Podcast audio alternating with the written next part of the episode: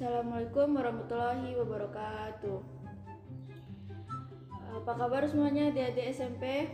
Nah, semoga semuanya baik-baik saja ya. Di sini kembali lagi dengan saya sebagai moderator Cindy Prima Wigati. Di sini saya bersama dengan Kak. Rido Wardana. Oke, di sini kita bersama Kak Rido. Kita akan membahas tentang materi prakarya nih. Yang per- pada bab pertama yaitu kita membahas kerajinan serat. Kak, topik-topik yang akan kita bahas pada kerajinan bab satu ini sendiri apa sih kak? Oke, jadi eh, untuk topik-topik yang akan kita bahas pada hari ini, yang pertama itu ada pengertian kerajinan serat alam. Kemudian ada macam-macamnya yang kedua, dan yang ketiga ada langkah-langkah pengelolaannya, dan yang terakhir itu ada teknik-tekniknya. Oke, tadi kakak sudah menyebutkan poin-poinnya nih yang akan kita bahas pada hari ini. Mm-mm. Pengertiannya dari kerajinan serat sendiri itu bagaimana sih kak? Oke, di sini saya akan menjelaskan secara singkat aja ya mungkin. Oke. Untuk kerajinan itu sendiri adalah suatu karya manusia yang dikerjakan secara keterampilan manusia tanpa menggunakan mesin. Nah, kemudian serat itu sendiri adalah bahan baku yang digunakan untuk pembuatan benang dan kain. Serat biasanya digunakan sebagai bahan baku tekstil. Serat yang dijadikan sebagai bahan baku tekstil adalah serat-serat yang digunakan untuk aplikasi tekstil. Nah, kemudian sedangkan serat alam adalah bahan untuk kerajinan yang terbuat dari serat alam. Kemudian serat alam bisa berupa dari serat tumbuhan maupun hewan gitu loh. Terus bahan dari serat alam bisa berupa potong potongan-potongan komponen yang membentuk jaringan memanjang yang utuh. Kakak sudah sudah menjelaskan tentang pengertian. Jika macam-macam dari kerajinan ini sendiri itu bagaimana sih kak?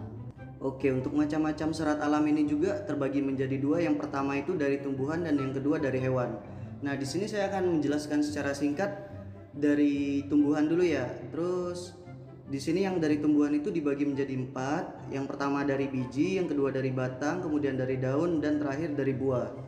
Nah, yang dari biji ini, ini bisa digunakan untuk bahan baku dari kerajinan serat alam. Kemudian itu dari biji itu bisa menghasilkan kerajinan seperti benang benang kat- katun kapas, kemudian bahan isi untuk kasur, kemudian bahan isi untuk boneka gitu loh. Kemudian untuk menggunakan bahan ini kita harus berhati-hati karena serat dari biji pohon kapas memiliki tekstur yang lembut dan mudah rapuh nih. Jadi kita itu maka dari itu kita harus lebih bersabar dan teliti dalam membuat kerajinan dari bahan baku serat biji ini. Nah, kemudian yang kedua itu ada serat dari batang ya. Nah, serat dari batang ini bisa digunakan sebagai bahan baku kerajinan juga. Kemudian serat batang apa saja sih yang bisa kita gunakan untuk apa namanya bahan kerajinan itu? Nah, serat batang yang bisa kita gun- gunakan itu yang pertama itu misalnya ada batang dari pohon anggrek, kemudian dari mahkota dewa, beringin, rosella, dan yonkori. Nah, kemudian untuk contohnya itu contoh kerajinan yang terbuat dari serat eh, alam batang itu misalnya seperti sandal jepit, kemudian tempat baju, tas wanita juga. Kemudian ini nih yang perlu diperhatikan yaitu menggunakan bahan serat batang lebih mudah karena bahannya bertekstur keras dan kuat. Kemudian barang yang dipakai juga memiliki tingkat keawetan yang lama nih. Nah, kemudian untuk poin yang ketiga yaitu eh, serat dari daun. Nah, serat dari daun ini kita gunakan sebagai bahan baku kerajinan. Contohnya itu kerajinan yang terbuat dari bahan serat daun ini misalnya ya ini yang apa namanya yang yang kita bisa gunakan Eh, untuk membuat serat dari daun ini bahan-bahannya itu seperti misalnya daun nanas, kemudian pandan, eceng gondok, abaka, kemudian mendong. Kemudian serat daun ini juga memiliki tekstur yang lentur dan tingkat keawetan ke keawetannya tergantung dengan pemakaiannya karena bahan-bahan dari serat daun mudah rapuh dan bila tidak hati-hati itu bisa eh, membuat kerusakan juga dari serat daun tersebut. Nah, kemudian untuk yang terakhir dari eh, dari bahan serat yang dari tumbuhan ini yaitu serat dari buah. Serat dari buah Oke, jadi untuk serat dari buah yang dimaksud yaitu serat dari buah kelapa. Kelapa memiliki serabut yang bisa digunakan seratnya untuk bahan baku kerajinan. Nah, serat ini juga memiliki tekstur yang lentur dan kuat gitu loh. Kemudian serat dari satu kelapa bisa kita hasilkan dalam jumlah yang lumayan banyak. Nah, kemudian di sini ini nih ada beberapa contoh dari kerajinan yang terbuat dari serat kelapa. Yaitu yang pertama ada sapu rumah, itu kan adik-adik sering kan lihat misalnya sapu rumah yang dari serat kelapa gitu kemudian kayak keset kaki gitu loh itu sering diisi di depan-depan rumah juga kemudian untuk miniatur motor kemudian seperti gantungan kunci juga bisa dibikin dari serat kelapa gitu loh kemudian tempat tisu juga nah masih banyak juga sih yang lainnya kemudian di sini kerajinan dari bahan ini memiliki daya tarik tersendiri karena berasal dari bahan alam Kemudian kerajinan ini juga ramah lingkungan. Kemudian kerajinan dari bahan ini masih bisa kita dapatkan hingga saat ini karena masih banyak orang yang melestarikan kerajinan dari serat kelapa itu sendiri. Atau biasa kita kenal itu kayak kerajinan tradisional gitu loh. Nah, kemudian untuk poin yang kedua dari macam-macam bahan serat itu tadi, yang tadi kan yang pertama ada dari tumbuhan nih.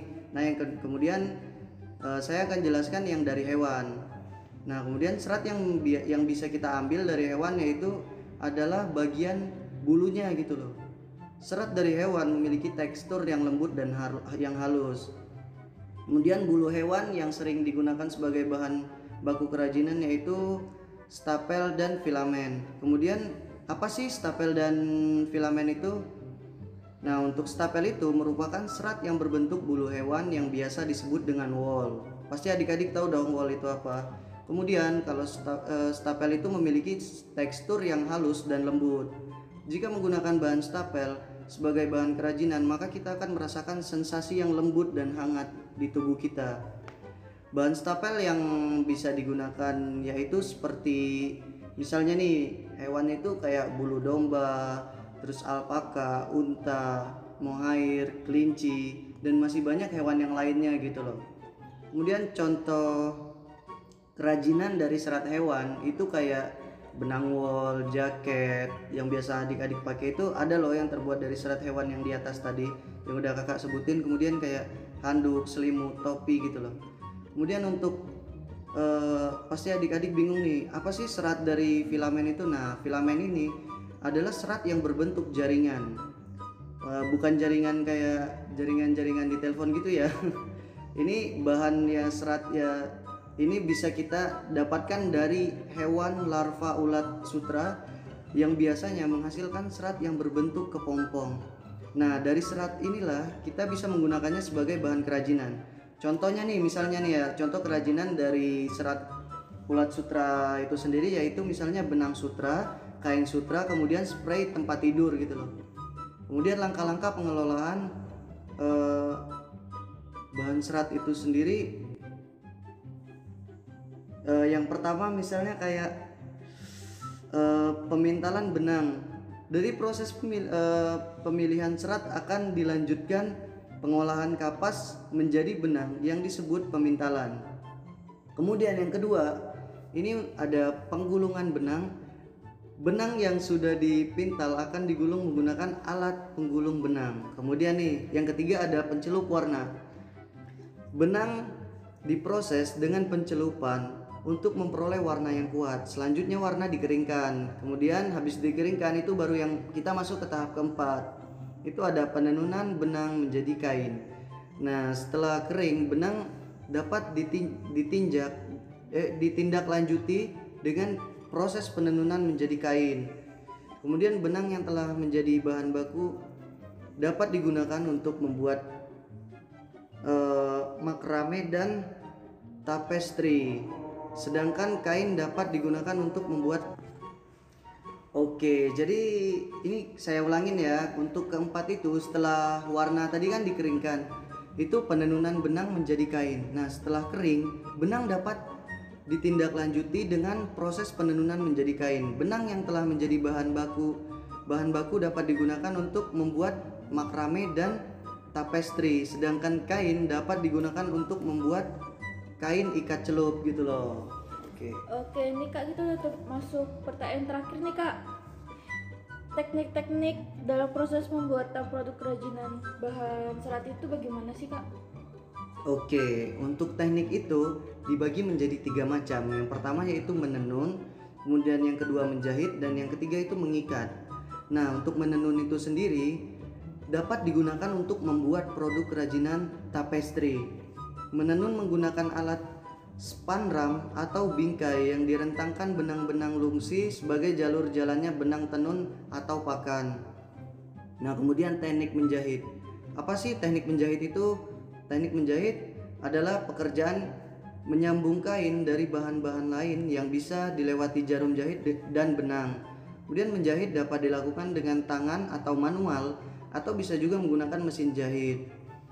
Eh, kemudian dalam pembuatan kain ikan celup diperlukan teknik menjahit untuk eh, merintang warnanya itu loh. Kemudian yang terakhir itu ada teknik mengikat. Nah, untuk teknik mengikat ini sendiri adalah teknik menyatukan dua benang atau lebih membentuk ikatan yang diinginkan, bukan bukan ikatan cinta ya. Kemudian mengikat dapat pula diartikan menyatukan helaian kain yang satu dengan lainnya menggunakan alat pengikat untuk membentuk pola tertentu. Nah, ikatan ini dapat berupa simpul atau pola warna.